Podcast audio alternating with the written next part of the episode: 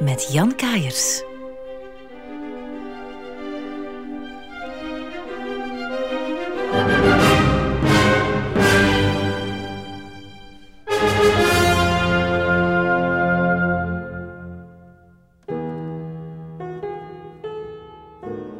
We zijn ondertussen in het jaar 1801 aanbeland.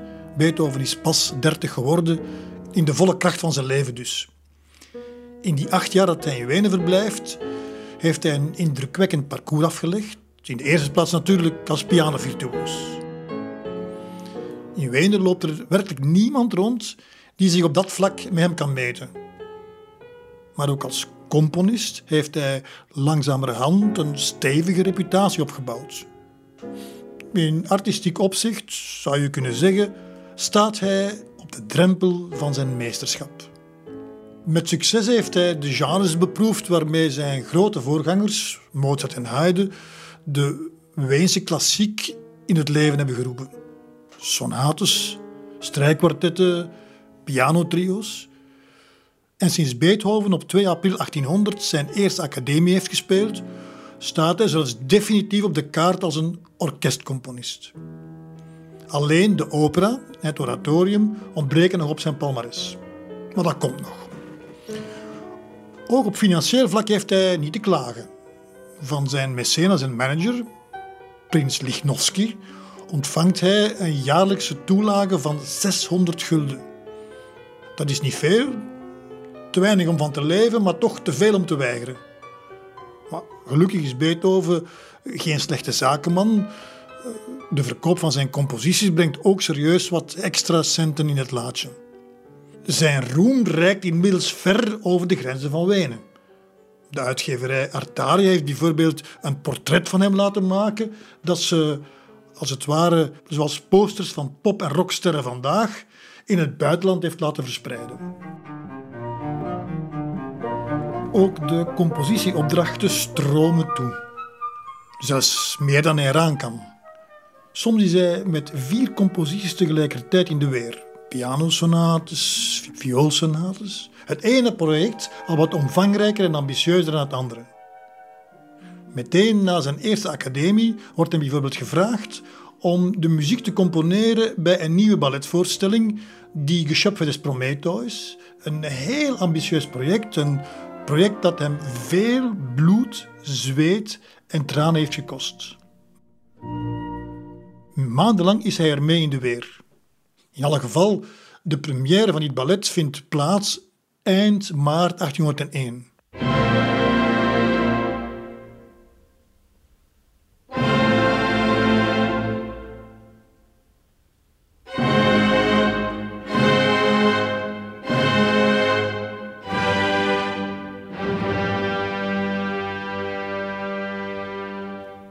De reacties zijn, hoe zal ik het zeggen, eerder gemengd.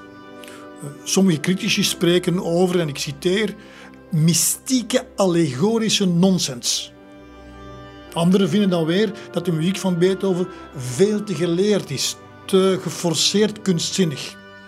En ik moet zeggen, dat laatste sluit een beetje aan bij de teneur van sommige critici in de zogenaamd gespecialiseerde muziekbladen, die Beethovens muziek in die periode vaak te overdadig vinden, te vergezocht, te gecompliceerd of ja, zelfs hier en daar tegennatuurlijk.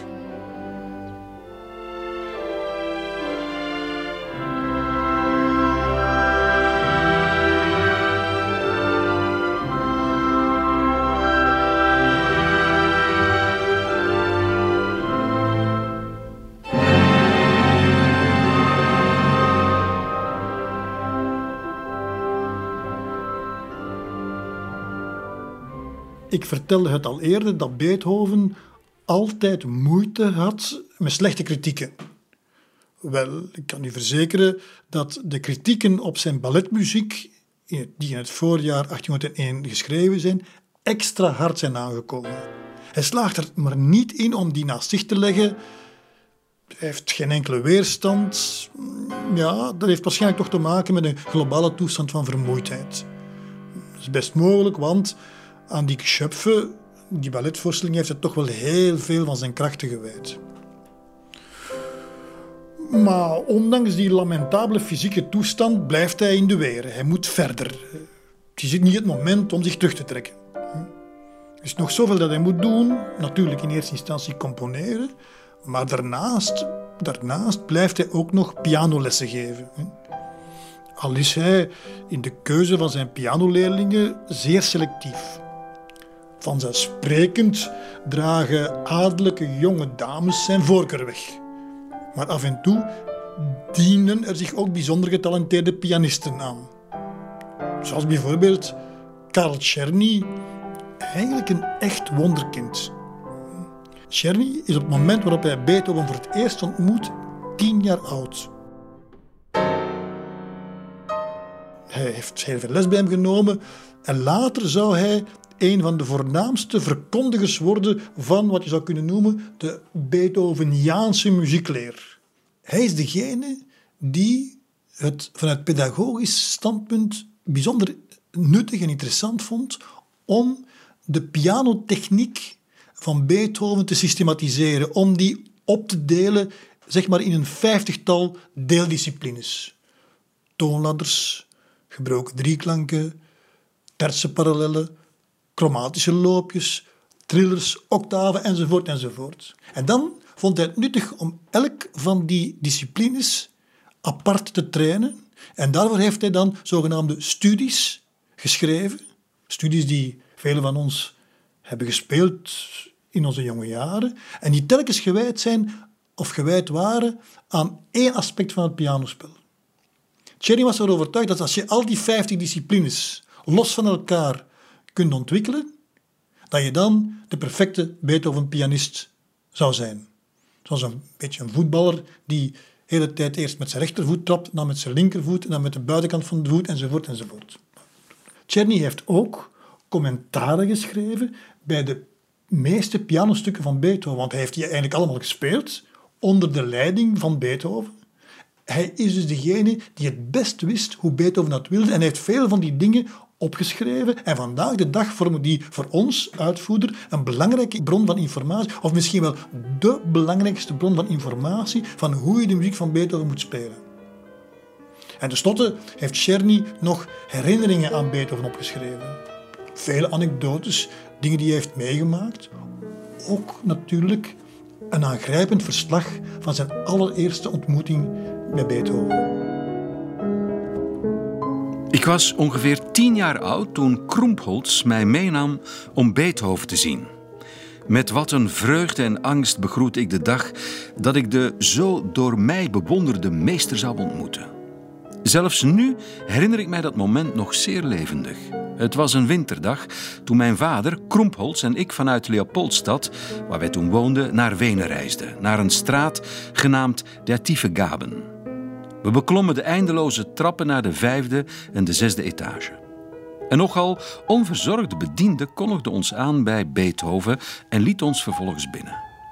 De kamer bood een rommelige aanblik. Papieren en kledingstukken lagen overal verspreid. Ik zag een paar koffers staan, naakte muren. Er was amper een stoel te bespeuren. Enkel een heel krakkemikkige die bij de pianoforte stond.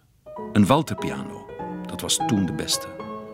In de kamer bevond zich een gezelschap van ongeveer zes tot acht personen, waaronder de twee Frantitsky-broers, Susmaier, Schupanzig en één van Beethovens broers.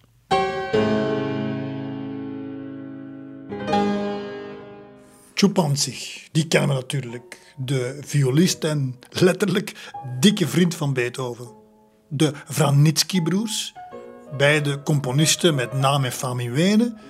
En dan Frans Xaver Süssmayer, de man die eeuwige roem verwierf door het voltooien van Mozarts Requiem. Czerny is daar duidelijk in goed en hoogstaand gezelschap. En dan wordt het interessant. Czerny beschrijft Beethoven zelf. Beethoven zelf droeg een ochtendjas van een of andere langharige, donkergrijze stof en een bijhorende broek. Hij deed me meteen denken aan een prent uit Robinson Crusoe, een boek dat ik op dat ogenblik aan het lezen was. Zijn koolzwart haar, geknipt à la Titus, stond ruig overeind. Zijn baard, hij had zich in dagen niet geschoren, maakte het onderste deel van al zijn bruine gezicht nog donkerder. En wat ik ook opmerkte, met de visuele snelheid eigen aan kinderen, dat in zijn oren stukjes katoen zaten, die gedrenkt leken in een geelachtige vloeistof. Stukjes katoen in de oren, gedrenkt in een gelige vloeistof? Wat heeft dat te betekenen? Dat is toch een veelbetekenend detail. Czerny vertelt daarna het verdere verloop van de auditie. Hoe hij eerst een stukje uit een pianoconcerto van Mozart speelt, hoe Beethoven gefascineerd is, zijn stoel dichterbij schuift en af en toe met één vinger van zijn linkerhand de blazerssoli uit het orkest tokkelt. Czerny merkt op dat zijn handen helemaal behaard zijn en hoe breed zijn vingertoppen zijn. Nadat de meester enkele lovende opmerkingen heeft gemaakt, durft de kleine Czerny het zelfs aan om, volledig uit het hoofd, wat in die tijd toch heel ongebruikelijk was, de sonata pathétique te spelen. Beethoven is erg onder de indruk en wil zodanig dat hij meteen bereid is om de jongen als leerling te aanvaarden. En omdat de Czernys onbemiddeld zijn, wil hij het ook nog eens doen zonder ervoor betaald te moeten worden. Deze scène speelt zich dus af in het voorjaar van 1801. Het mag duidelijk zijn dat Beethoven er echt niet goed aan toe is. Hij is oververmoeid, verzorgt zich nog amper. In de maanden die volgen gaat het van kwaad naar erger. En in juni 1801 komt het dan tot een catharsis. Maandenlang heeft hij de signalen van vermoeienis en stress weten te onderdrukken. Maar nu is er geen ontkomen meer aan. Zijn lichaam wil niet meer mee, hij voelt zich ellendig, hij krijgt onder andere hevige buikpijnen. Dagenlang ligt hij te kermen van de pijn. Het prikkelbare darmsyndroom wordt er gezegd. En dat zou best kunnen, want bij die ziekte lijken de klachten vaak te ontstaan bij een periode van grote spanning. Maar het zijn niet alleen zijn darmen die een parten spelen. Hij heeft nog meer fysieke klachten. Hm? Iets waarover zich werkelijk grote zorgen maakt. Namelijk datgene waar Czerny het over had. Die stukjes katoen in zijn oren, gedrenkt in gelige vloeistof, waren natuurlijk ter behandeling van gehoorproblemen die zich alsmaar frequenter en heviger lieten voelen. Die problemen hadden zich drie jaar eerder gemanifesteerd. Hij had een soort geruis in zijn oren waargenomen dat was weliswaar na een tijdje verdwenen, maar stak nadien toch ook weer de kop op. Nu echter begint het toch wel echt verontrustende vormen aan te nemen. En op 29 juni stuurt hij zijn jeugdvriend Frans Wegler, de arts weet u wel, hm, een brief om hem op de hoogte te brengen van zijn probleem. Al wil hij nog niet meteen de alarmbel luiden. Eerst vertelt hij dat het over het algemeen goed met hem gaat, over zijn successen, ook op financieel vlak. Dat het er naar uitziet dat hij vanaf nu jaarlijks een academie zal krijgen. Maar, en dan komt het. Hier staat tegenover dat het gemene duiveltje, mijn zwakke gezondheid, een spaak in het wiel steekt. Sinds een jaar of drie namelijk is mijn gehoorvermogen afgenomen. Dit zou een gevolg zijn van buikklachten die ik, zoals je weet, vroeger ook al had, maar die zijn hier verergerd door voortdurende diarree, die me erg heeft verzwakt. Verder vertelt Beethoven aan Wegler dat hij de artsen Johan Peter Frank en Gerhard von Vering heeft geraadpleegd. Maar deze kunnen enkel maar de symptomen bestrijden. Ze helpen hem om van zijn buikpijn af te geraken waardoor hij zich nu wel beter en fitter voelt, maar voor zijn gehoorproblemen vinden ze geen remedie. Frank wilde de tonus verbeteren met sterke medicijnen en mijn oren met amandelolie behandelen. Maar prozit, dat werd helemaal niets. Mijn gehoor verslechterde en mijn buikklachten werden er niet minder door. Dit duurde zo voort tot vorig jaar herfst en ik werd er soms wanhopig onder. Een of andere ezel uit de medische professie adviseerde me toen om regelmatig een koud bad te nemen. Een verstandiger iemand zwoer bij gewoon lauw Donauwater. Dit laatste deed wonderen voor mijn buik, maar mijn gehoor bleef zwak of werd zelfs slechter. Waar Donauwater allemaal niet goed voor is. Voor buikklachten zo blijkt, maar dus niet voor gehoorproblemen. En wijwater kan even min wonderen doen. Dat weten we omdat Beethoven op een bepaald moment ook een zekere Pater Vaes heeft geraadpleegd, die hem behandeld heeft met oordruppels van wijwater. Ook zonder succes overigens. Maar waarvoor die brief aan Wegeler bijzonder interessant is, is dat Beethoven heel nauwgezet omschrijft welke hinder hij ondervindt van zijn kwaal. Zowel fysiek als psychologisch. Bijvoorbeeld hoe hij zijn probleem voor zijn omgeving angstvallig verborgen wil houden. Alleen mijn oren. Die bruisen en suisen dag en nacht door. Het vergalt werkelijk mijn leven. En al bijna twee jaar lang mijd ik elk gezelschap, omdat ik niet tegen de mensen durf te zeggen: ik ben doof. Als ik een ander beroep had, ging het nog. Maar bij dat van mij is het echt vreselijk. En dan al mijn vijanden, die niet kering in aantal zijn.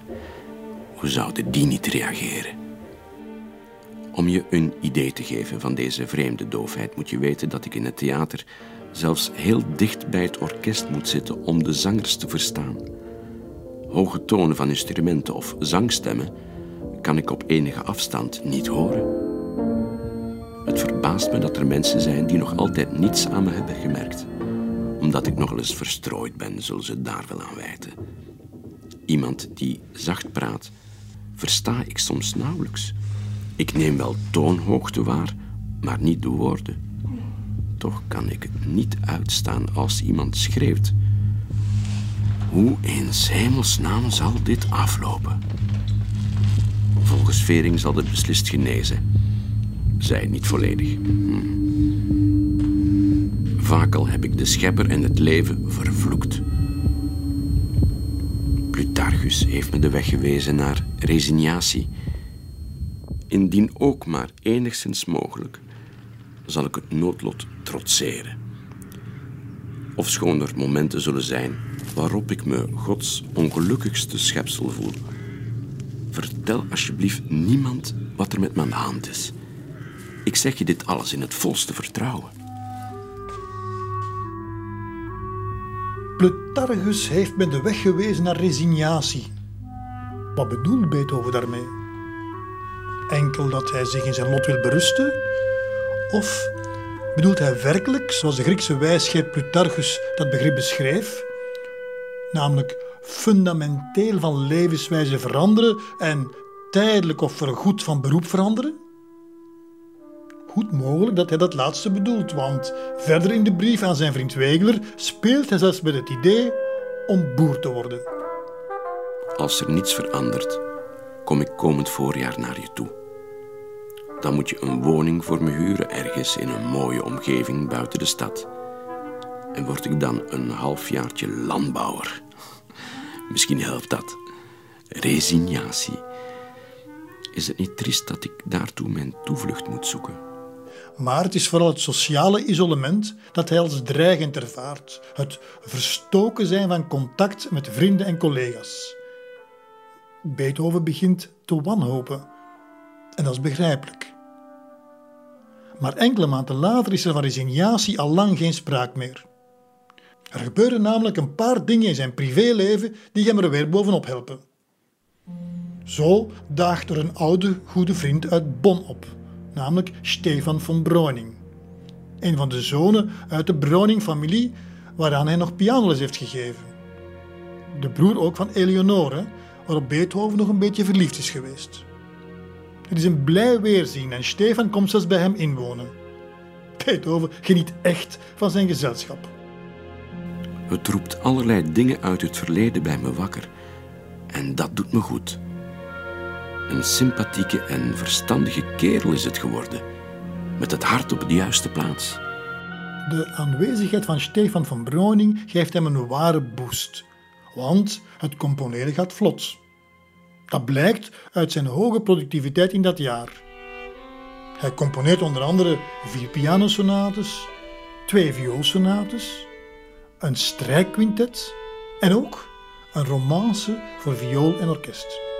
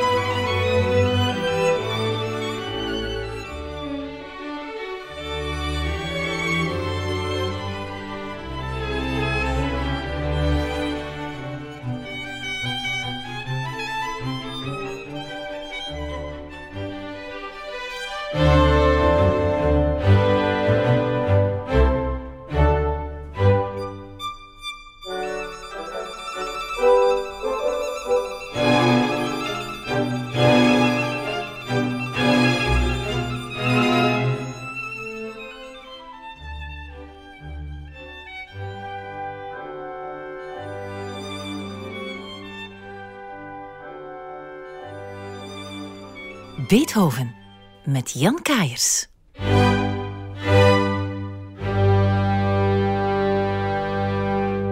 Beethoven heeft er alle redenen toe om een romance te componeren. In de zomer heeft hij namelijk opnieuw een jonge vrouw leren kennen. Iemand die opnieuw zijn hart in vuur en vlam weet te zetten. Alleen haar officiële naam al zet aan tot het schrijven van een romance. Giulietta. Hoewel ze door iedereen Julie werd genoemd. Julie Guicciardi is een van de jongere nichtjes van Josephine van Brunswick. En net als Josephine beschikt ze over de goede genen. Ze is een mooi en getalenteerd meisje. Ze heeft bovendien een tijdje in Italië gewoond en heeft daardoor een soort Zuiderse flair die bij momenten wel eens de vorm aanneemt van een geveinsde wulpsheid. De Van Brunswicks doen daar nogal laatdunkend over. Ze vinden dat hun nichtje zich te koket, aanstellerig en zelfs af en toe lichtzinnig gedraagt, maar voor Beethoven is dat uiteraard geen zorg. Hij geniet werkelijk van haar geflirt en wulpsheid. In een brief aan zijn boezemvriend Wegeler schrijft hij hoe gelukkig Julie hem maakt, na al wat hij heeft moeten doorstaan. Nu ik weer wat meer onder de mensen kom, is mijn leven een stuk aangenamer. Je kunt je nauwelijks voorstellen hoe treurig en eenzaam ik de afgelopen twee jaar ben geweest. Bij alles wat ik deed, doemde het spook van mijn zwakke gehoor op en ik ontweek de mensen. Ik moet een misantroop hebben geleken, terwijl ik dat toch absoluut niet ben. Dat het nu beter gaat, komt door een lief, betoverend meisje dat van me houdt en waar ik van hou. Voor het eerst sinds twee jaar beleef ik weer wat gelukkige momenten en ik heb het gevoel dat trouwen me gelukkig zou maken. Jammer genoeg is ze niet van mijn stand. Bovendien zou ik toch niet kunnen trouwen, want ik moet nog bergenwerk verzetten. De endorfines doen duidelijk hun werk. Opeens heeft Beethoven het gevoel dat hij de hele wereld aan kan. Mijn jeugd, dat voel ik, begint eigenlijk nu pas. Kwakkelde ik vroeger niet altijd met mijn gezondheid? Wel nu, de laatste tijd voel ik me fysiek sterker dan ooit en psychisch net zo. Elke dag kom ik het doel dat ik mezelf stel nader, dat voel ik, hoewel ik het niet goed onder woorden kan brengen. Alleen op die manier kan jouw Beethoven leven. Over uitrusten wil ik niets horen. De enige vorm van rust die ik ken is slapen en dat vind ik al erg genoeg, dat ik daar meer van nodig heb dan gewoonlijk. Beethoven werpt zich in volle concentratie op zijn werk. De crisis lijkt nu helemaal bezworen. En ook al geneest zijn gehoorkwaal allerminst, hij zit vol inspiratie. Hij zet zich aan de piano, componeert deze sonate en draagt ze op aan zijn wondermooie Julie.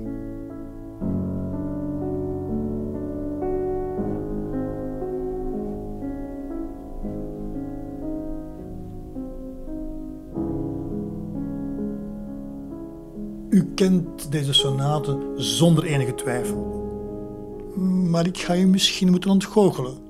Want de bijnaam Mondschaansonate, Claire de Lune, stamt niet van Beethoven en verwijst evenmin naar de Giulietta-affaire.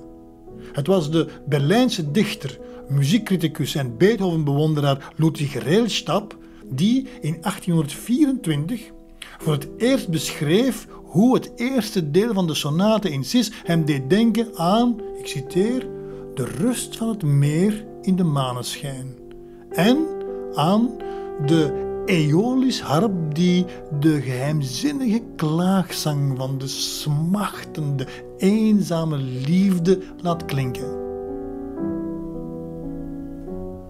Pas toen in 1860, u hoort goed 1860, de Duitse muzikoloog Wilhelm von Lenz de associatie maakte met, ik citeer, een bootvaart op een meer in de maneschijn van een stille augustusnacht, werd die titel officieel verankerd.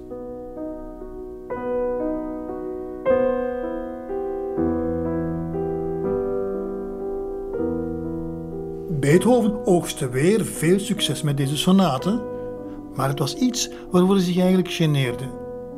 In zijn ogen had hij veel interessantere dingen geschreven. Typisch Beethoven. Maar ik kan me wel iets bij voorstellen.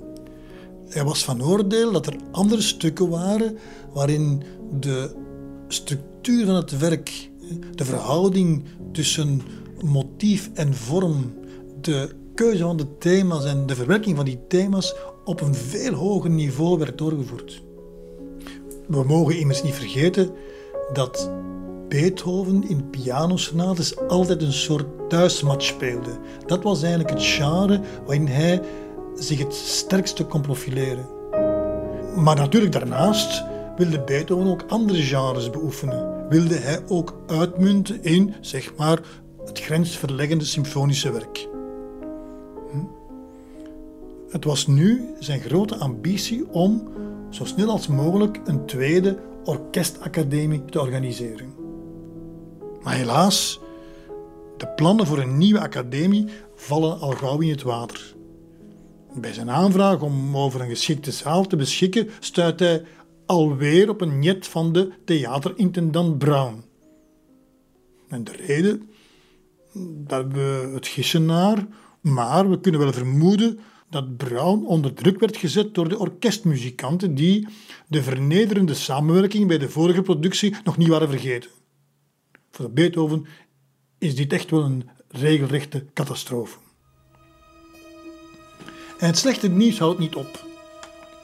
In de lente van 1802 komt Beethoven erachter dat zijn liefde voor Giulietta Guicciardi een zeker Fata Morgana gehalte had.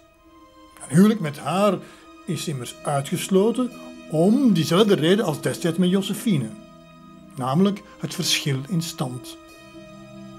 De Wulpse Giulietta vond dan een huwelijkspartner die wel van haar stand was, namelijk graaf Wenzel Robert von Gallenberg, een balletcomponist nota bene, die later bekend zou worden doordat hij in 1806 de feestmuziek heeft geschreven bij de troonsbestijging van niemand minder dan Jozef Bonaparte in Napels.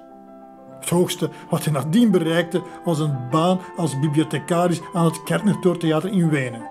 In vergelijking met Beethoven was hij werkelijk een dwerg, maar wel een dwerg met blauw bloed in de aderen. De wereld van Beethoven stort in en zelf klapt hij ook in elkaar. Vandaag zouden we dat wellicht een burn-out noemen. Volgens Beethovens huisarts Dr. Schmidt was hij bezweken onder de gecombineerde druk van uitwendige en inwendige problemen, van objectieve en subjectieve boosdoeners. Daarom was het niet alleen belangrijk dat hij zou leren leven met de gedachte dat hij doof aan het worden was, maar vooral dat hij probeerde om de belasting van het neurosensitieve systeem zo klein als mogelijk te houden. Dr. Schmidt maande zijn patiënt dan ook aan om een grotere psychologische hygiëne aan de dag te leggen, zijn levensstijl grondig te veranderen en zijn leven anders te organiseren. Hij stelde bovendien voor dat Beethoven zich gedurende minstens een half jaar uit de stad en uit de vijandige muziekwereld zou terugtrekken. Hij moet de natuur opzoeken, ver van het lawaai en de drukte, om zo tot rust te kunnen komen. Beethoven weet dat hij geen andere keuze heeft. Zoals hij er nu aan toe is, is hij toch tot niets meer in staat. Dus geeft hij zijn broer Caspar Karel de opdracht om voor hem zijn lopende zaken te regelen. Bijvoorbeeld om in zijn naam een aantal onderhandelingen met uitgevers voor te zetten. Op 22 april kondigt hij zelf in een brief aan de uitgeverij Breitkopf en Hertel zijn retrette aan. Ik hecht u eraan, wel edelgeborene, persoonlijk te informeren over het feit dat mijn vele activiteiten maar tegelijkertijd ook mijn vele nadigheden, mij een tijd lang niet in staat stellen bepaalde dingen te doen. Ondertussen kunt u zich volledig verlaten op mijn broer, die voortaan alles voor mij regelt. Een dag later, op 23 april 1802, vertrekt hij naar een dorpje buiten Wenen, Heiligenstad. Stad is een klein en gemoedelijk wijndorp aan de voet van de Kalenberg en de Leopoldsberg. Een vijftal kilometers ten noorden van het stadscentrum. Vandaag maakt het deel uit van de agglomeratie. Het is een wijk waar de rijkere Weners wonen en waar nogal wat ambassades en consulaten gevestigd zijn. Maar in 1802 was het er nog volkomen rustig en idyllisch. Het was een klassieke uitwijkplaats voor de Weners gedurende de zomermaanden, om er te vertoeven in de koelte van de omringende bossen. Het was een soort kuuroord, een goedkoper alternatief voor het verder afgelegen en meer snobistische baden aan Wien. En je kon er naartoe met de diligence.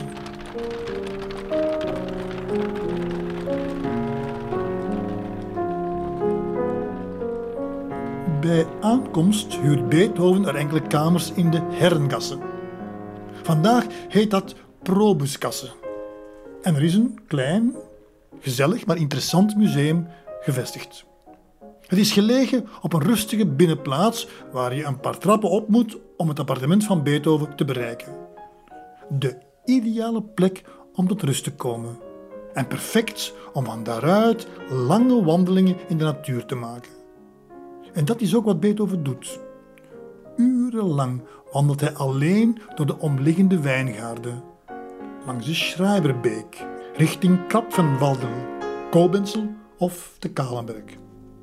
Het contact met andere mensen tracht hij zoveel als mogelijk te vermijden. Uit schaamte voor zijn toenemende doofheid wordt hij zelfs mensenschuw.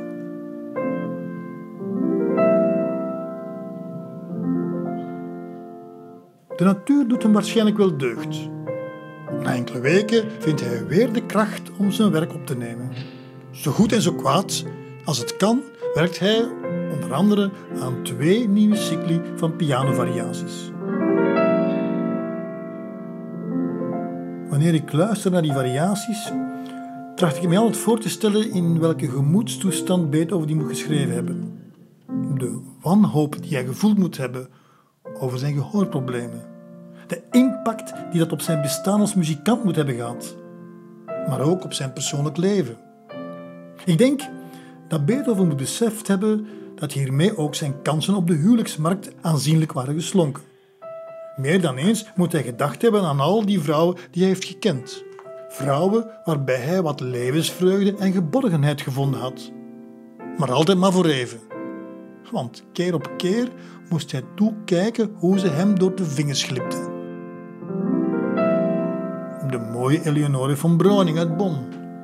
Eh, Magdalena Wilman, de zangeres met wie hij zo graag had willen trouwen. Josephine Brunswick, die hij nog steeds beminde. En natuurlijk ook de Wulpse Giulietta, die zich nog maar net met haar rijke edelman had verloofd.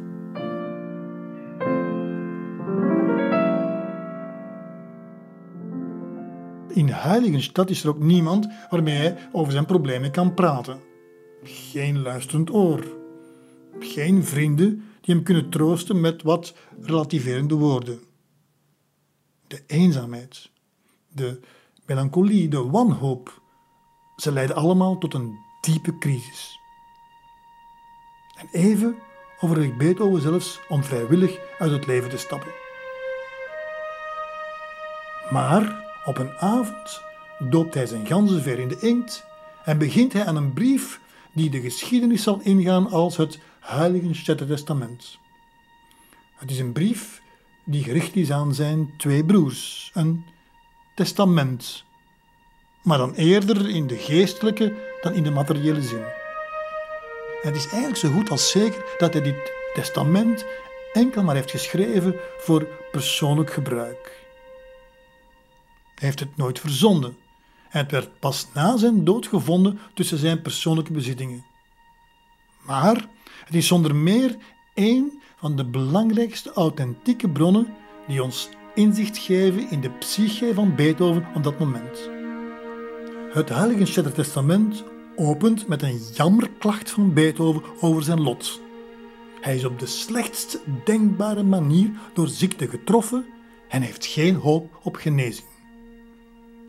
Hij probeert zijn mensenschuwgedrag te vergoelijken en voelt zich door de buitenwereld verkeerd begrepen. O jullie die mij onaardig, vijandig of mensenschuw vinden of mij zo karakteriseren, wat doen jullie mij onrecht? Jullie kennen de verborgen oorzaak niet van wat jullie toeschijnt. Van kindsbeen af aan heb ik met hart en ziel getracht om het goede na te streven. Ik voelde me zelfs geroepen om grote daden te verrichten. Maar bedenk eens dat ik sinds zes jaar aan een hopeloze kwaal leid, die door onkundige artsen nog is verergerd. Jaar na jaar hoopte ik op een genezing, maar tevergeefs. Ten slotte moest ik, of ik wilde of niet, het vooruitzicht aanvaarden dat ik aan een chronische ziekte leid waarvan de genezing misschien wel jaren gaat duren of zelfs onmogelijk blijkt. Geboren met een vurig, levendig temperament en juist erg ontvankelijk voor gezelligheid, moest ik mij al op jonge leeftijd afzonderen en mijn leven eenzaam doorbrengen. En wanneer ik eens bij vlagen probeerde me over alles heen te zetten, oh, hoe meedogenloos werd ik dan gestraft door mijn slechte gehoor, waarvan ik mij dan dubbel bewust was. Toch kon ik het niet over mijn hart verkrijgen om tegen mensen te zeggen: eh, praat harder, schreeuw, want ik ben doof. Ach, hoe kon ik voor de gebrekkige werking uitkomen van een zintuig dat bij mij veel beter zou moeten zijn dan bij een ander? Een zintuig dat ooit in de grootste volmaaktheid functioneerde, vast volmaakter dan anderen in mijn beroep het hebben of hadden. Oh, ik kan dat niet. Vergeef het me daarom als jullie merken dat ik jullie ontloop. Terwijl ik me eigenlijk graag onder jullie had gemengd. Ik leid dubbel onder een beproeving doordat mensen mij verkeerd begrijpen. Ontspanning met anderen een goed gesprek, een openhartige gedachtenwisseling, mij is dat alles ontzegd. Ik ben bijna helemaal op mezelf aangewezen. In gezelschap zoek ik alleen als het echt niet anders kan. Als een banneling moet ik leven. Nader ik een groep mensen, dan word ik overmand door een beklemmende angst bang als ik ben dat ik iets van mijn situatie laat merken. Kan je je voorstellen hoe pijnlijk en vernederend dit voor Beethoven moest zijn geweest? Telkens wanneer hij, toch vanuit de behoefte aan wat gezelschap, geconfronteerd werd met zijn kwaal. Wanneer er iemand naast hem liep en in de verte een fluit hoorde en hij niets. Of een herder hoorde zingen en hij weer niets. Laat staan de muziek, de finesses van een orkest. Dat te moeten meemaken als muzikant, als componist, dat kunnen we ons toch niet voorstellen. Er was niets anders in zijn leven. Daar hing zijn hele wezen aan vast. Ik vind het echt wel aannemelijk dat hij even overwogen heeft om vrijwillig uit het leven te stappen. Hij verwijst er ook naar in zijn brief. Al kunnen we het niet uitsluiten dat evengoed een literair cliché was, dat regelrecht uit die leiding des jongen Veertes kwam. Zeg maar een trucje om zijn overlevingsdrang nog beter te laten uitkomen. Zulke ervaringen brachten me de wanhoop nabij. En het scheelde weinig of ik had eigenhandig een eind aan mijn leven gemaakt. Alleen zij, de kunst, weerhield me. Och, ik kon toch onmogelijk de wereld vaarwel zeggen voordat ik datgene had volbracht waartoe ik me geroepen voelde. Daarom rekte ik dit afschuwelijke bestaan. Ja, het is afschuwelijk om lichamelijk zo gevoelig te zijn dat je in een oogwenk van de beste in de allerslechtste toestand kunt geraken. Geduld, zo lijkt het, moet nu mijn leidraad zijn. Ik heb het. Ik hoop dat ik lang aan mijn besluit kan vasthouden, totdat het de onverbiddelijke schikgodinne behaagt om de draad door te knippen. Misschien zal het beter gaan, misschien ook niet. Ik ben op alles voorbereid. De onverbiddelijke schrikgodinne. Wat een beeld. Beethoven lijkt dus realiteit, fictie en poëzie voortdurend door elkaar te gooien. Het is een dialoog met zichzelf, noem het een soort zelftherapie. Het is alsof hij vooral zichzelf wil overtuigen van de juistheid van zijn missie. Hij verandert ook voortdurend van toon. Soms zacht poëtisch en getemperd, maar soms ook met van die bombastische passages vol van medelijden. Passages waarin hij de hele mensheid en zelfs God aanroept. Het valt niet mee om al op je 28ste te worden gedwongen om filosoof te zijn. Vooral niet voor een kunstenaar. Godheid, u daarboven ziet neer op mijn innerlijk. U kent het, u weet dat ik ben vervuld van mensenliefde en steeds het goede nastreef. O jullie mensen, als jullie dit ooit lezen, bedenk dan dat jullie mij onrecht deden. En wie ongelukkig is, troostte zich ermee in mij een lotgenoot te vinden, die ondanks alle hindernissen die de natuur voor hem opwierp, toch deed wat in zijn vermogen lag om in de categorie van waardige kunstenaars en mensen te worden opgenomen. Een waardig kunstenaar zijn, dat is het hoogste doel. Niets of niemand zal hem daarvan kunnen weerhouden. Maar mocht de dood de enige uitweg zijn, ja, dan heeft hij in zijn testament nog wat praktische aanwijzingen voor zijn broers. Hij wijst hen als erfgenamen aan van zijn bescheiden vermogen. Hij bedankt hen voor alles wat ze voor hem hebben gedaan, vooral zijn oudste broer Karel. Hij vraagt hen ook om contact op te nemen met zijn arts Schmidt met de vraag of hij een schriftelijk verslag wil maken van zijn ziekte. En dat verslag moet vervolgens bij zijn testament gevoegd worden, zodat, ik citeer, tenminste na mijn dood zoveel mogelijk verzoening tot stand komt tussen mij en de wereld. Verder zou Beethoven het fijn vinden als de muziekinstrumenten die hij van prins Lichnowsky heeft gekregen door een van hen worden bewaard. Zolang er maar geen ruzie over ontstaat. En als jullie op een andere wijze beter van pas komen, verkoop ze dan maar, schrijft hij. En tenslotte vraagt hij hen om elkander lief te hebben en hun kinderen vooral deugdzaamheid bij te brengen. Want, en ik citeer opnieuw, alleen die kan iemand gelukkig maken. Wel, het zij zo. Met vreugde snel ik de dood tegemoet.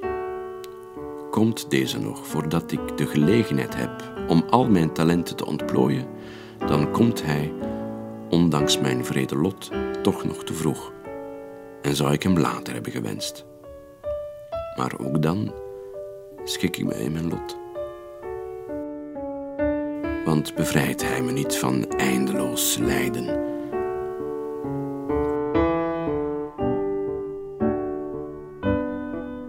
Kom maar wanneer het je goed dunkt, o dood. Ik treed je moedig tegemoet.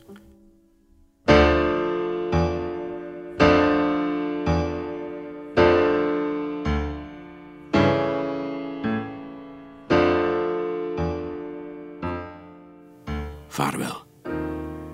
En vergeet mij niet als ik dood ben. Die herinnering komt me toe, want ik heb tijdens mijn leven vaak geprobeerd om bij te dragen aan jullie geluk. Wees daarom gelukkig.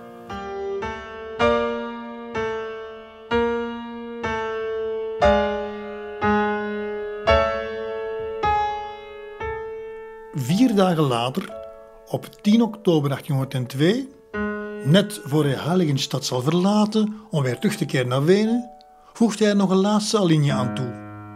Het zijn vast de vallende herfstbladeren die hem inspireren. Met deze regels neem ik afscheid van hier en wel met droefheid. Zelfs de hoop die ik koesterde toen ik hier aankwam, de hoop dat ik in elk geval tot op zekere hoogte zou genezen, moet ik nu volledig laten varen. Zoals de herfstbladeren vallen en verwelken, zo is ook mijn hoop vervlogen. Ik vertrek in vrijwel dezelfde toestand als waarin ik aankwam. Zelfs de innerlijke kracht die ik op mooie zomerdagen zo vaak voelde, is verdwenen. O voorzienigheid, laat me toch eenmaal een vreugdevolle dag beleven. Zo lang ben ik al verstoken van de tedere echo van intense vreugde. Wanneer, o wanneer, Godheid, mag ik deze in de tempel der natuur en te midden van de mensen nog eens ervaren? Nooit meer? Nee, dat zou te vreed zijn.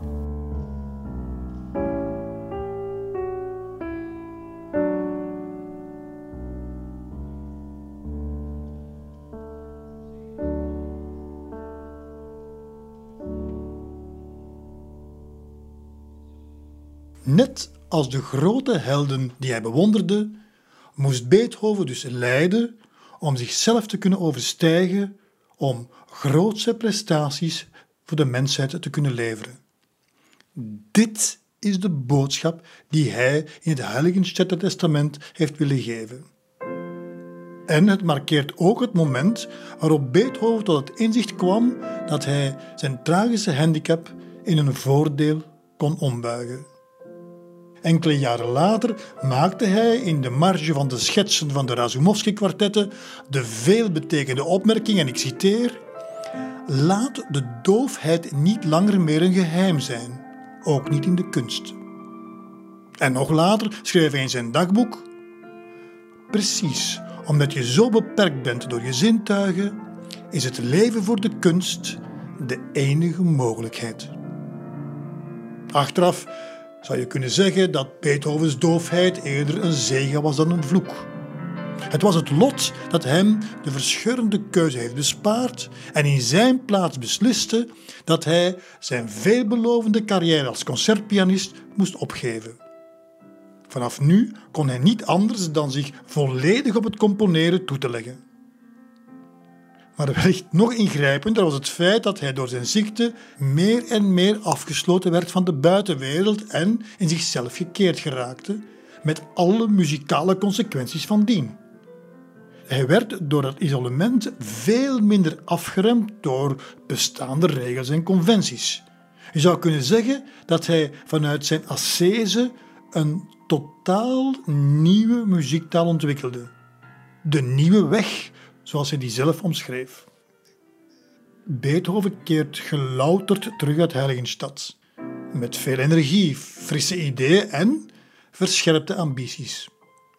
Het lot heeft dus voor hem beslist dat hij zijn pianistencarrière moet afbouwen en zich meer op het componeren moet gaan toeleggen. En dat heeft zo zijn gevolgen, financiële vooral.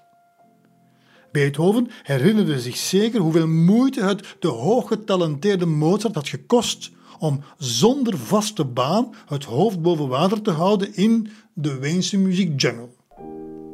Hij heeft dus geen tijd te verliezen. Hij neemt zich voor om zich enkel nog met de essentiële dingen bezig te houden, met zijn hogere missie. En daarbij moet alle ballast overboord. Hij wil zich niet langer meer bezighouden met de praktische bezonjes van het dagelijkse leven. Nu, in dat laatste, was hij sowieso geen held. En dat wist hij van zichzelf ook hoor. Hij heeft ergens ooit geschreven, ironisch bedoeld weliswaar, het is wellicht het enige teken van mijn genialiteit dat mijn zaken niet in orde zijn. Beethoven zag steeds op tegen het schrijven van brieven. Hij vertoonde een soort permanent uitstelgedrag. En ook aan onderhandelen en rekenen had hij een hekel. Ook al had hij middenstandersbloed in de aderen, hij vond het bijna altijd vernederend om over geld te discussiëren. Tegelijkertijd beseft hij nu ook dat hij zich die nonchalance niet langer meer kan permitteren. En daarom vraagt hij aan zijn broer Caspar Karl om zijn zaken verder te blijven behartigen. Iets wat die laatste overigens met groot plezier deed. We moeten er wel aan toevoegen dat broertje Lief daarbij nogal onhandig kon zijn, wat hem bij uitgevers de reputatie opleverde een verachtelijke kerel en geldwolf te zijn. Maar Beethoven had vanaf nu wel het hoofd vrij om zich enkel nog op de muziek toe te leggen. En wel muziek die moest voldoen aan zijn nieuwe criteria.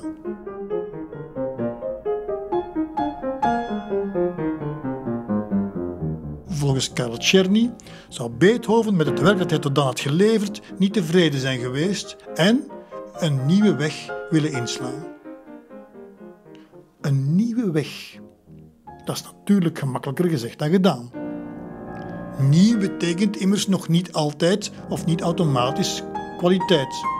En daar is Beethoven zich ten zeerste van bewust. Toch heeft hij met de pianovariaties die hij in Heiligenstadt heeft geschreven al de eerste stappen gezet op die nieuwe weg. Ze zijn volgens Beethoven op een volkomen nieuwe manier gecomponeerd.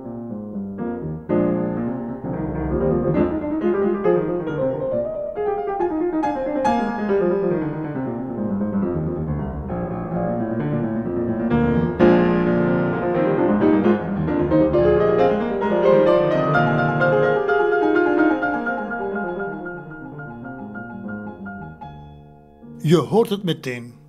Dit is muziek die heel ver staat van de gebruiksmuziek, bestemd voor amateurpianisten, die tot dan toe door de Weense uitgevers op de markt was gebracht. Gewoonlijk waren die gebaseerd op populaire operamelodieën, maar hier niet meer. Dit is een thema dat door Beethoven zelf is bedacht. Een statement dat kan tellen. Want hiermee zegt hij: Vanaf nu draait het helemaal om mezelf. Ik ben een onafhankelijk kunstenaar. Ik ben het die centraal staat in het hele scheppingsproces. Dat klinkt misschien pretentieus, maar Beethoven is niet de enige die er zo over denkt. In het muzikale Wenen anno 1800 zijn er nog professionele pianisten die zich meer en meer op het experiment willen toeleggen. Die nieuwe muziek willen creëren. We kunnen zelfs spreken van een trend. En wat meer is, ze kunnen daarbij zelfs rekenen op uitgevers die maar wat graag mee op de kar willen springen. Zo start Hans-Georg Negeli bijvoorbeeld, een Zwitserse uitgever, in 1802 met de uitgave van een nieuwe reeks pianomuziek. Hij doet een oproep. In de Allgemeine Musikalische Zeitung laat hij een advertentie plaatsen waarin hij de beste componisten van het moment oproept om grensverleggende muziek te schrijven. Ik ben voornamelijk geïnteresseerd in pianosolo's in de verheven stijl, met een aanzienlijke lengte en met veel afwijkingen van de gebruikelijke vorm waarin sonates geschreven zijn. Deze producten moeten zich onderscheiden door hun rijkdom aan details en door hun volle sonoriteit. Kunstvolle pianofiguraties moeten verstrengeld zijn met contrapuntische passages. En een van de eerste componisten die hij aanzoekt is natuurlijk Beethoven. En die reageert enthousiast. Dankzij Negli krijgt hij zijn pianosonates opus 31 op de internationale markt. Ik denk niet dat Beethoven verwacht had dat zijn nieuwe weg voor een deel vanuit Zwitserland zou geëffend worden.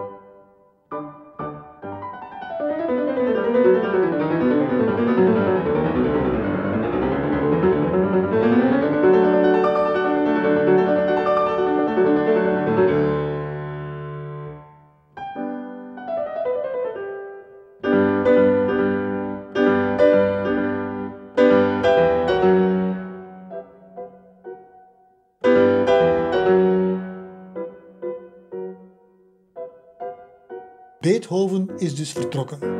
Hij organiseert zijn werkdagen met veel discipline. Elke morgen staat hij vroeg op en werkt aan één stuk door tot circa twee of drie uur in de middag. Af en toe maakt hij korte pauzes waarin hij dan wandelwerkt. Vervolgens gaat hij eten en maakt hij, weer of geen weer, een lange namiddagwandeling. Daarbij heeft hij de gewoonte om eerder snel en nerveus door te stappen dan te slenteren. Voor zijn omgeving heeft hij amper nog oog. Meestal is hij helemaal in zichzelf gekeerd en af en toe houdt hij halt en noteert hij wat bruikbare ideeën, dingen die hij de volgende morgen aan zijn bureau of zijn piano verder uitwerkt. Met andere woorden, s'morgens is hij productief, s'namiddags is hij creatief.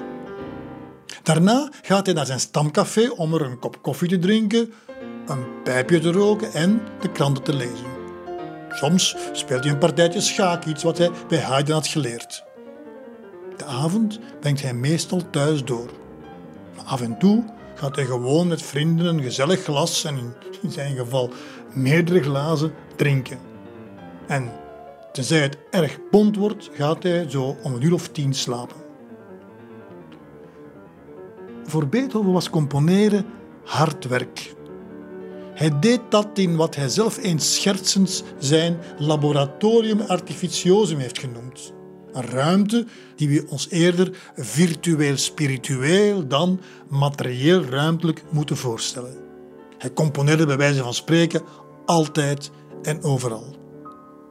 Componeren betekende voor Beethoven het bewust doorlopen van processen, waarbij hij vertrok van een vaag idee dat zich daarna traag, moeizaam en volgens een niet altijd te voorspellen logica uitkristalliseerde tot er uiteindelijk een volledig uitgewerkt en coherent muziekstuk ontstond. Beethoven heeft met zijn Laboratorium Artificiosum een nieuwe standaard op het gebied van het componeren ingevoerd. In tegenstelling tot de, zeg maar, intuïtieve componisten Haydn en Mozart, die een muzikaal idee ofwel gebruikten ofwel meteen fanatiek verwierpen, vertrok de construerende componist Beethoven steeds van hetzelfde idee waarop hij bleef kieskouwen tot hij een versie vond die hij als perfect bruikbaar beschouwde. Hij droeg dus, naar eigen zeggen, zijn ideeën lang met zich mee. Richard Strauss maakte later de vergelijking met een jonge wijn, eerst een tijdje opgeslagen moet worden, opdat hij kan gisten en rijpen. Dat Beethoven in het jaar 1803 weer helemaal op krachten is, bewijst ook het feit dat hij weer een nieuwe leerling aanneemt. Ditmaal geen mooie jonge dame of een virtuoos wonderkind, maar de zoon van een oude bekende uit Bonn, namelijk Ferdinand Ries. Ferdinand is de zoon van de violist Frans Ries, van wie Beethoven zelf nog les had gekregen. Maar meer nog. Frans was in feite een soort familielid van Beethoven. De familie Ries en de familie Beethoven woonden in Bonn namelijk in dezelfde straat. En toen de ouders van Beethoven overleden waren, was het Frans die de verantwoordelijkheid opnam om voor de familie Beethoven te zorgen. Vooral in zakelijke aangelegenheden. En toen Beethoven naar Wenen vertrok, was hij het die de twee jongere broers onder zijn hoede nam. Beethoven staat als het ware bij hem in het krijt en is maar al te graag bereid om als wederdienst diens zoon Ferdinand pianolessen te geven. Ferdinand Ries zal later uitgroeien tot een zeer productief en origineel componist. Hij zal daarbij, zoals veel van zijn tijdgenoten overigens, altijd wel in de schaduw van Beethoven blijven staan. Maar wat we vooral aan hem te danken hebben, zijn zijn herinneringen over Beethoven die hij dan opgeschreven heeft en die werkelijk bol staan van de fijne anekdotes. Zo weten we bijvoorbeeld dat ook hij te maken kreeg met de befaamde raptussen van Beethoven. Op zekere dag gebruikten wij het middagmaal in het logement De Zwaan. En de bediende bracht hem een verkeerde schotel. En nauwelijks had Beethoven daar iets van gezegd, dat de bediende dan niet beleefd beantwoordde, of hij nam die schotel met een zogenaamd longengebraad rijkelijk van saus voorzien en die wierp hem de bediende naar het hoofd. En de arme man had nog een groot aantal schotels op zijn arm, dat is een handigheid hè, die de kelners in Wenen in hoge mate bezitten, en kon zich daardoor niet behelpen en de saus liep hem langs het aangezicht.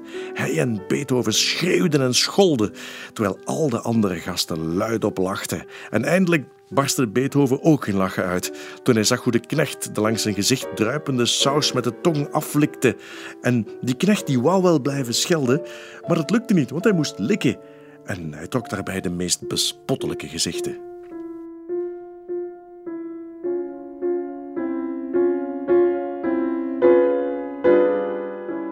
Het is grappig, maar tegelijkertijd ook niet. Deze anekdote illustreert heel goed hoe nerveus en licht ontvlambaar Beethoven was. Meermaals uiterst driftig, schrijft Ferdinand Ries ergens. Zijn opgekropte frustraties konden op elk moment exploderen. Het is dan ook geen wonder dat Beethoven er af en toe behoefte aan heeft om de drukke stad achter zich te laten en de natuur op te zoeken. Om een beetje tot rust te komen, te ontstressen en vooral ook natuurlijk om zijn gehoor te ontlasten. Zo vindt hij in de zomer van 1803 een logement in Baden bij Wenen. Baden bij Wien was en is nog altijd een chic kuuroord waar het aangenaam vertoeven is. Rustig en zeer beschaafd, een beetje een matuvu plek, een beetje snop. Maar precies daardoor ook een plek waar Beethoven het nuttige met het aangename kan combineren omdat het zo dicht bij Wenen ligt, kan hij bijvoorbeeld zijn pianoleerlingen blijven ontvangen en tegelijkertijd ook genieten van het society-leven, zijn contacten te onderhouden met allerlei schoon volk. En van dat laatste is zijn leerling Ferdinand Ries een bevoorrechte getuige. Op zekere avond kwam ik bij hem in Baden om mijn lessen voor te zetten en ik zag dat daar een mooie jonge dame bij hem op de sofa zat. En omdat het mij toescheen dat ik ongelegen kwam, wilde ik me terstond verwijderen. Maar Beethoven die hield me tegen en die zei: Speel ondertussen maar wat. Hij en de dame die bleven achter mij zitten en ik had al heel lang gespeeld toen Beethoven opeens uitriep: Ries, speel iets verliefds. En kort daarna iets zwaarmoedigs en vervolgens iets hartstochtelijks. En uit hetgeen ik hoorde, kon ik opmaken dat hij de dame in iets beledigd moest hebben en het nu door scherts weer trachtte goed te maken. En eindelijk sprong hij op en riep: Dat zijn maar enkel allemaal stukken van mij. Ik had namelijk altijd passages uit zijn eigen werk gespeeld, door korte overgangen aan elkaar gelast, hetgeen echter genoegen scheen gedaan te hebben. De dame die ging weldra heen en Beethoven wist tot mijn grote verwondering niet wie ze was. Ik vernam nu dat ze kort voor mij was aangekomen om Beethoven te leren kennen. Meteen trachten we haar te volgen om te achterhalen waar ze verbleef en misschien daardoor ook iets over haar stand te weten te komen.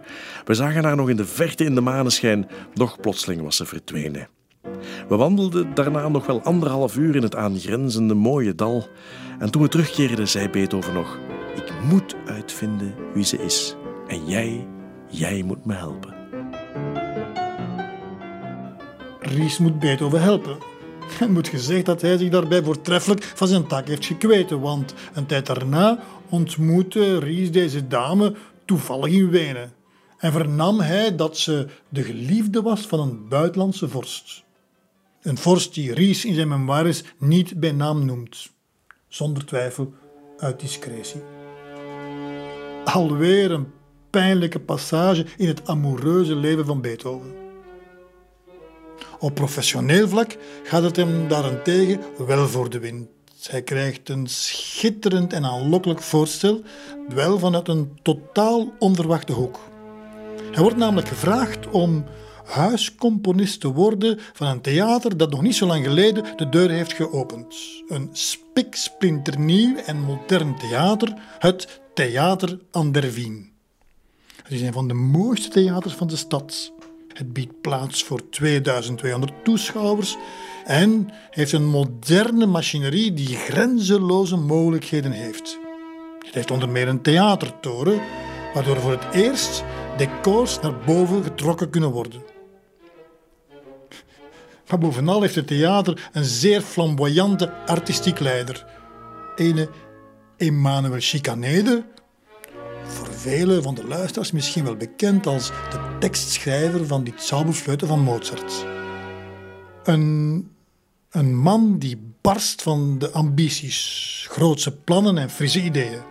Een man die eigenlijk de ambitie heeft om de concurrentie aan te gaan met de grote stadstheaters, de Hofopera en het Kernertortheater, waar eigenlijk heel de tijd routineuze voorstellingen plaatsvonden van Italiaanse operas, voorstellingen die bezocht werden door het wat oudere publiek. Dus Chicaneder die probeerde om een nieuw soort modern theater te brengen, net buiten de muren van de stad, om het jongere publiek, om de burgers en, en de frisse aristocraten naar zich toe te trekken met een programmatie die nieuw was en eh, nieuwe namen, zowel van componisten, zangers als zangeressen.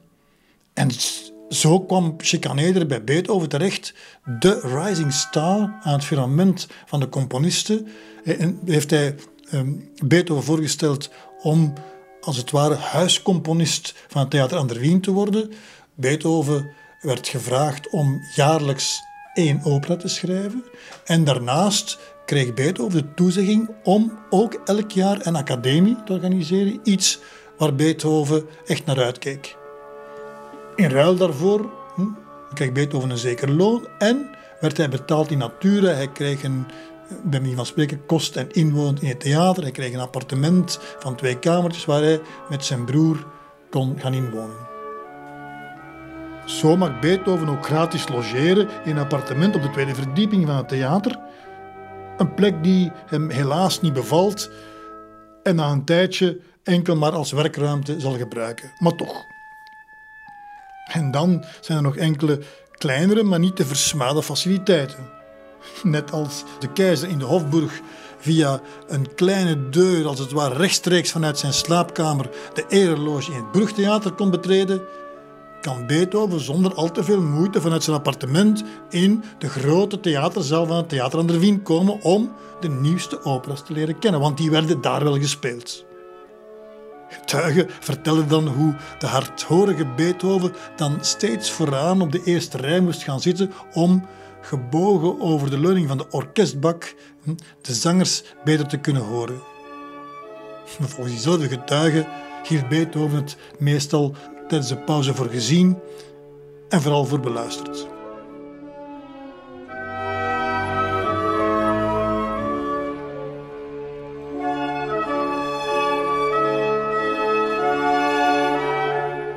Zoals reeds gezegd, was dus de bedoeling dat Beethoven jaarlijks een nieuwe opera zou schrijven. En daarnaast, en dat is toch wel heel belangrijk, krijg je de toestemming om onbeperkt te kunnen beschikken over het koor en het orkest voor de organisatie van zijn eigen academies. Beethoven twijfelt geen moment. En meteen legt hij een datum vast voor zijn nieuwe academie. 5 april 1803, dat is de dag waarop hij de nieuwe Beethoven wil presenteren aan het grote publiek. En, wat had je verwacht, Beethoven ziet het groots. Hij wil niet alleen een nieuw pianoconcerto brengen, maar ook een nieuwe symfonie en zelfs een oratorium. Op het programma staan bovendien alleen maar eigen composities. Bij zijn vorige academie, drie jaar geleden, had hij zich nog een beetje kunnen verschuilen achter de grootmeesters Haydn en Mozart, maar nu wil hij zelf en hij alleen de vedette zijn. Het zal u niet verwonderen dat de aanloop naar dit concert andermaal Beethoveniaans turbulent is. Gelukkig kon Beethoven wel rekenen op de zeer competente huisdirigent Ignaas von Seyfried. Seyfried is een vriend van Beethoven, is vertrouwd met zijn muziektaal en zijn werkwijze en volgt nauwgezet de aanwijzingen van de meester. De voorbereiding van de solisten, het koor orkest neemt hij helemaal op zich. En het is geen luxe dat het orkest goed voorbereid is, want dat orkest is samengesteld uit spelers van een zeer ongelijk niveau. Zoals de overigens in die tijd tamelijk gebruikelijk was, maar dit keer nog versterkt werd door het feit dat Brown, onze fameuze Brown weer stokken in de wiel had gestoken door op de avond van Beethovens Academie een concurrerend concert te organiseren in de opera, waardoor de meeste professionele freelancers in de stad niet vrij waren. Er zit dus niet anders op dan te repeteren, te repeteren en nog eens te repeteren. Na een marathonrepetitie die om 8 uur s morgens was begonnen en dan één stuk doorliep tot half drie in de namiddag, vindt Beethoven het absoluut noodzakelijk om het oratorium nog één keer integraal door te nemen. Tegenwoordig zouden de muzikantenvakbonden zoiets nooit aanvaarden en ook toen was er veel protest. De muzikanten beginnen te klagen, te grommen en hier en daar zelfs te roepen. Maar gelukkig weet men de gemoeder te bedaren. De reddende engel is Karl Lichnowsky. U weet wel, Beethovens eerste huisbaas in Wenen en zijn eerste mecenas. Hij had van de repetitie bijgewoond en had de buis zien hangen. Hij de situatie door grote manden met brood, koud vlees en wijn te laten aanslepen. De muzikanten storten zich als wilden op het geïmproviseerde buffet, waarna de stemming helemaal omslaat en waarna iedereen tevreden en met gevulde maag klaar is voor het concert. Alhoewel, sommigen onder hen zitten duidelijk boven hun theewater, dus dat van die wijn was misschien toch wel geen al te best idee. Wanneer de zaal om zes uur volloopt, is Beethoven er niet gerust in. Maar één ding heeft hij wel heel slim bekeken. Met de uitvoering van zijn eerste symfonie neemt hij weinig risico.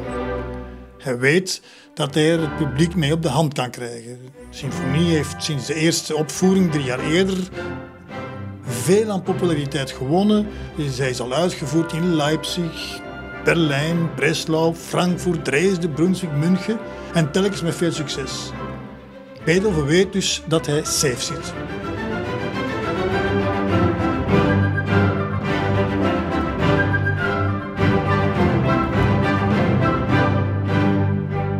De echo's van Mozart en Haydn, dat klinkt niemand onbekend in de oren. Dit is de Beethoven die het publiek kent. De Beethoven waarvoor ze vanavond hier zo talrijk aanwezig zijn.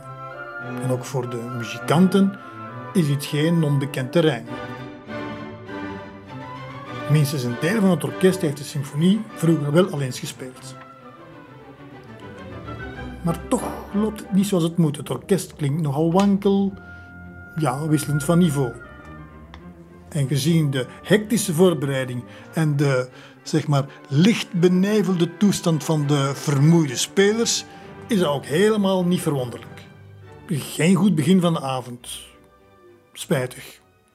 En helaas, de problemen laten zich nog meer gevoelen wanneer ze het pianoconcerto inzetten.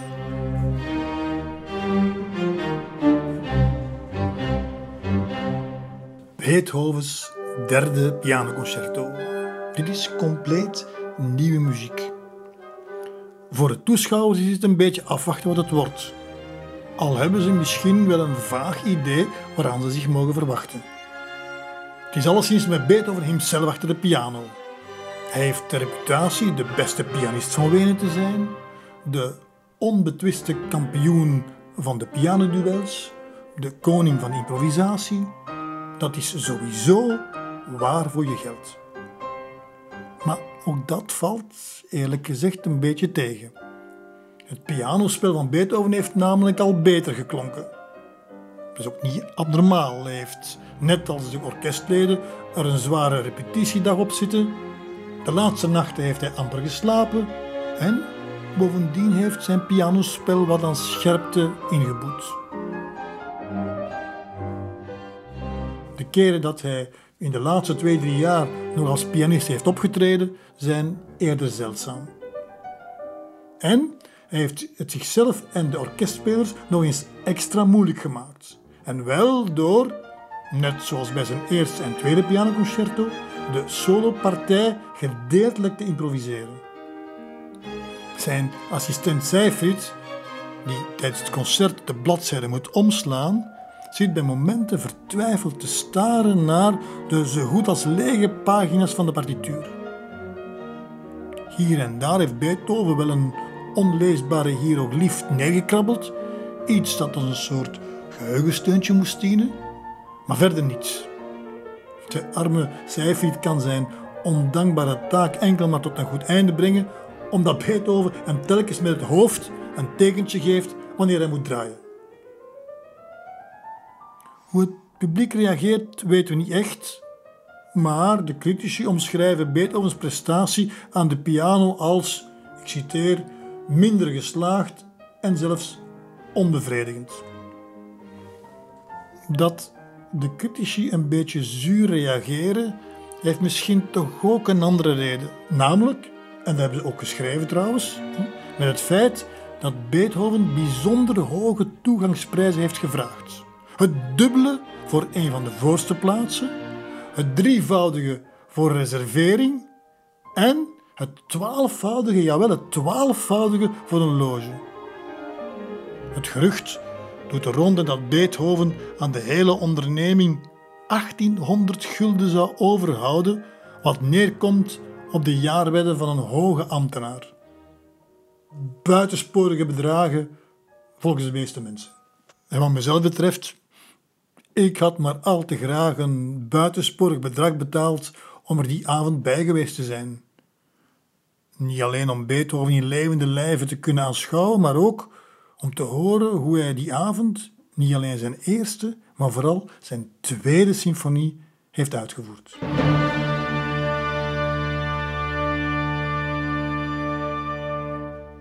Al vanaf het eerste akkoord, het begin dus van de langzame inleiding, is het duidelijk: hier speelt geen Haydn-orkest meer.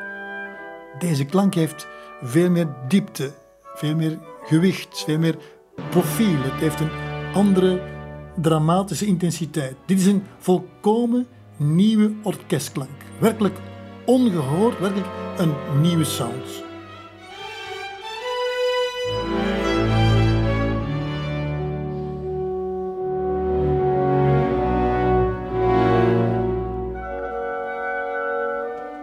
Is niet alleen nieuw gecomponeerde muziek, het is vooral nieuw geconcipieerde muziek.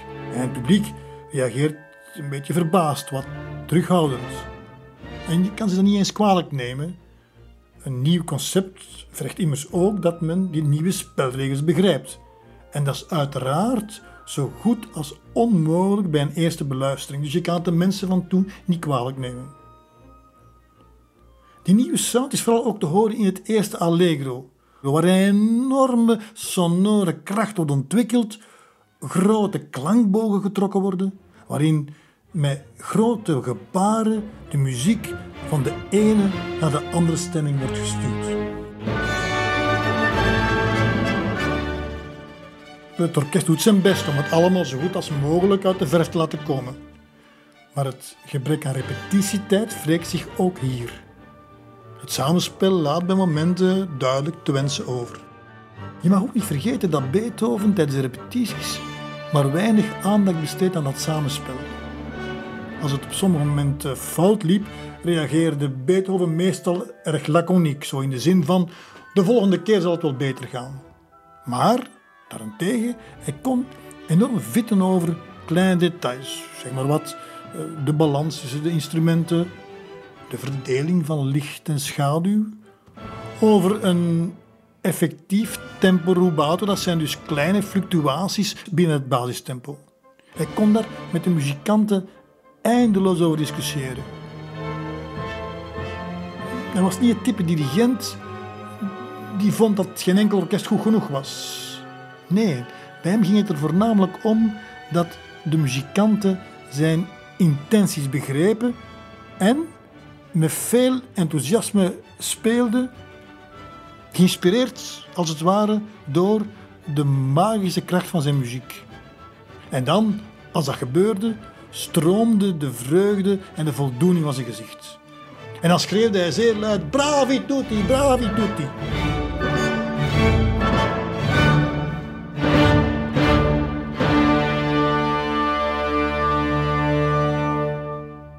Dat waren momenten die hij als veel waardevoller beschouwde dan om het even welk applaus van een groot publiek.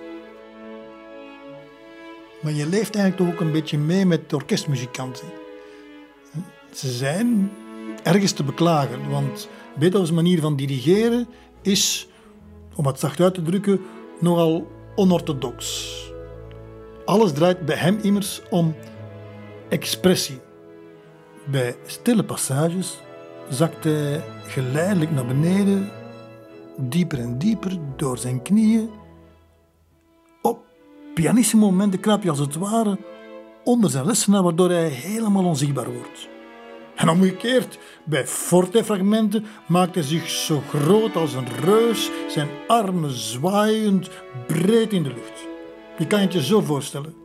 De muzikanten met één oog op de partituur, het andere op die gek gebarende dirigent, maar het komt de precisie van hun spel geen sinds ten goede. Anderzijds krijgen de toeschouwers wel waar voor hun geld met zo'n visueel spektakel.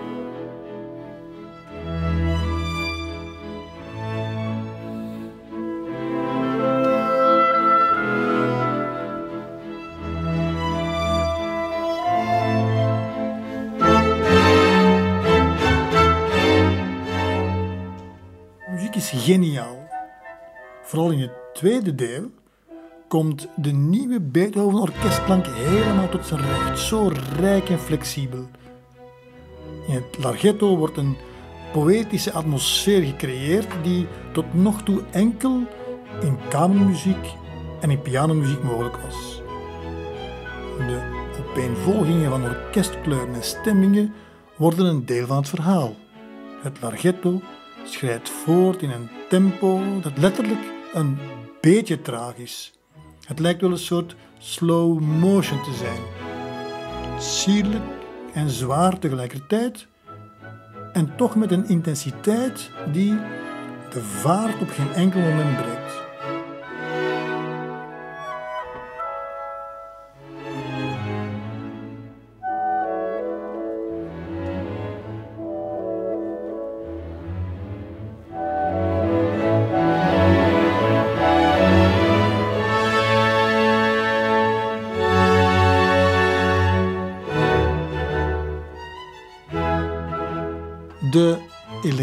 Elegante, trage schoonheid en zeg maar de zinnelijkheid van dit stuk zou trouwens in de loop van de 19e eeuw de bewondering van velen blijven opwekken. Berlioz bijvoorbeeld beschreef het als een gevoel van tederheid en letterlijk de verrukkelijke schildering van onschuldig geluk.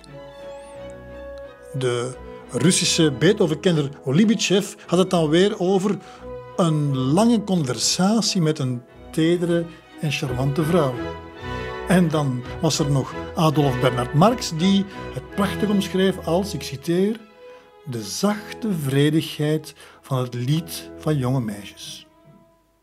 Oké, voor het publiek is het op dat ogenblik misschien allemaal wat veel en de betekenis ervan moet wellicht nog doordringen. En dan weten ze nog niet wat hij nog te wachten staat. Het moeilijkste moet namelijk nog komen, zijnde een gloednieuw oratorium dat Beethoven speciaal voor deze gelegenheid heeft gecomponeerd. Het oratorium Christus am Ölberge, Christus op de Olijfberg. Ook dat is weer, en moet ik het zeggen, op Beethoveniaanse wijze tot stand gekomen. En dat wil dus zeggen dat hij tot op het laatste moment nog bezig is geweest om veranderingen en verbeteringen aan te brengen. Ferdinand Ries, die ondertussen de job van copyist en secretaris had toebedeeld gekregen, was diezelfde dag nog om vijf uur s morgens bij Beethoven langs gegaan om extra trombonepartijen af te halen die de meester de voorbije nacht nog uit het hoofd had opgeschreven. Ze stonden immers niet eens in de partituur genoteerd. Begrijpelijk dus dat bij iedereen in het orkest en het koor de zenuwen door het lijf gieren.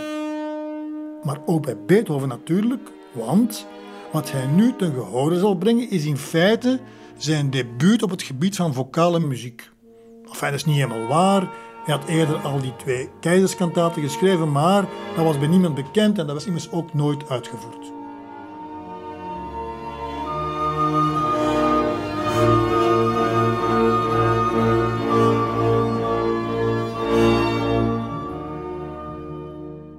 als nieuw benoemde composer in residence aan het Theater aan der Wien is dit dus als het ware zijn visitekaartje.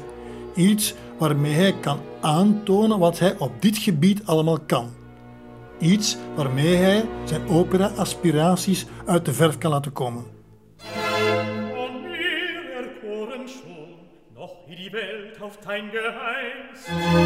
Chaos sich entfand.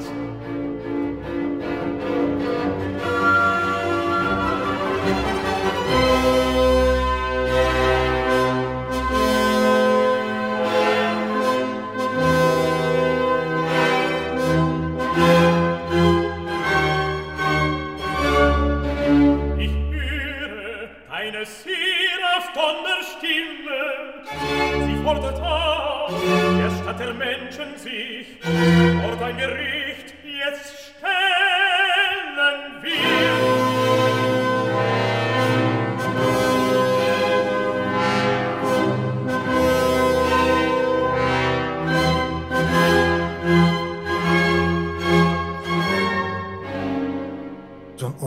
dat is verdomd een zware opdracht.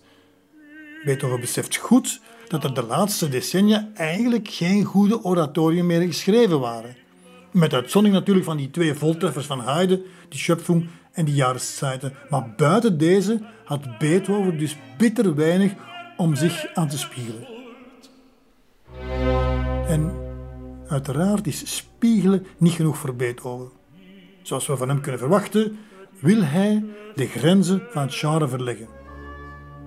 Hij interpreteert het verhaal van Christus op de Olijfberg als een groots psychodrama, opdat hij de deuren wagenwijd kan openzetten voor de meest lyrische interpretatie.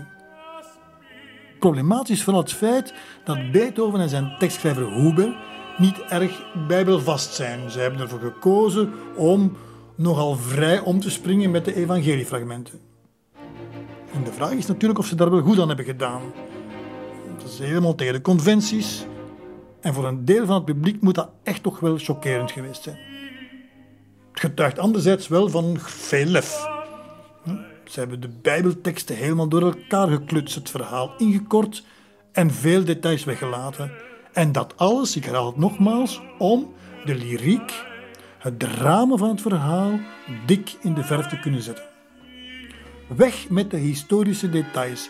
Alles draait om het gevoel, het lijden van het hoofdpersonage Christus. Normalerwijze begin je bij een oratorium of een opera met het beschrijven van de basissituatie. Wat moet je weten om het verhaal te kunnen begrijpen? Dat doet Beethoven niet. Hij begint gewoon in medias res, zonder dat de toeschouwer iets weet van de voorgeschiedenis.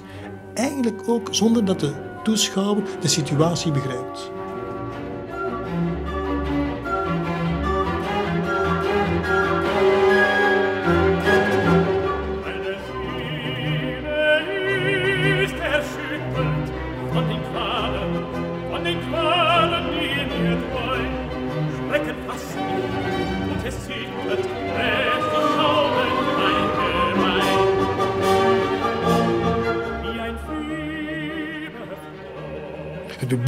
Maakt meteen kennis met de lijdende Christus die heen en weer wordt geslingerd tussen zijn goddelijke verlossingsopdracht aan de ene kant en de angst voor de dood en het lijden aan de andere kant. Dit is niet meer de Christus die de Bijbelse zoon van God is, maar een mens van vlees en bloed. Een man die pendelt tussen gevoelens van angst, hoop, overgave en berusting. En daarmee strijkt Beethoven voor de tweede keer tegen de haren van het publiek in. Voor het vroeg 19e eeuwse publiek is het immers niet alleen een theologische aberratie om Christus een dubbele status te geven, zoon van God en mens. Zijn menselijke kant cynisch uitbeelden is niets minder dan blasfemie. En in de meest expressieve stukken gaat Beethoven er zelfs compleet over. Dit is geen oratorium, meer, dit is pure opera. Het muziekdramatische geweld brengt bij moment het publiek compleet van de wijs.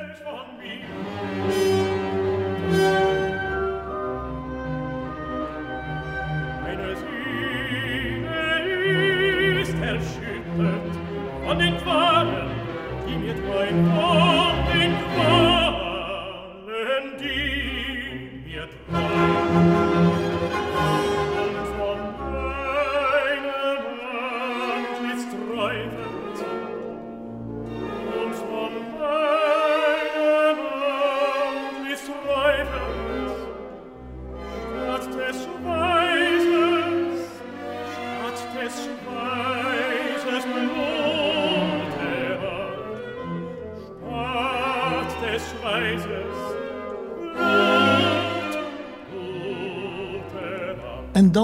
Christusfiguur, die leidende Christus. Wat natuurlijk een symbool is voor ieder leidende mens. Maar toch vooral voor Beethoven in de eerste plaats. Met een beetje verbeelding voel je in elke toon zijn persoonlijke betrokkenheid. Het kan bijna niet anders of Beethoven ziet in het verhaal van Christus de gelijkenissen met zijn eigen noodlot.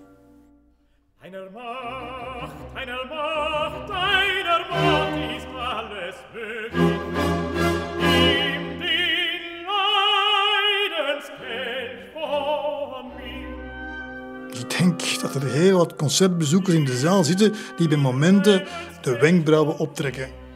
Anderen die dit aanmatigend vinden, die dit een brug te ver vinden. Ja, misschien zelfs tien bruggen te ver. Wat ze vermoedelijk helemaal nog niet begrepen hebben, is dat er een andere tijd is aangebroken. Of ze dat nu willen of niet, voortaan zal het de kunstenaar zijn die zichzelf in de schijnwerpers plaatst. Voortaan zal het allemaal om zijn persoon draaien en om zijn gevoelswereld. Het publiek kan er maar beter aan wennen dat kunst voortaan kunst zal zijn met een individuele boodschap. En de muziek één van het grotere gebaar en grotere middelen voor de grootst mogelijke emotionele en intellectuele impact. Vanaf nu worden Haydn en Mozart definitief tot klassieke componisten geproclameerd. Want hier is Beethoven, hier is de romantiek. jenen, der euch hasset, als nur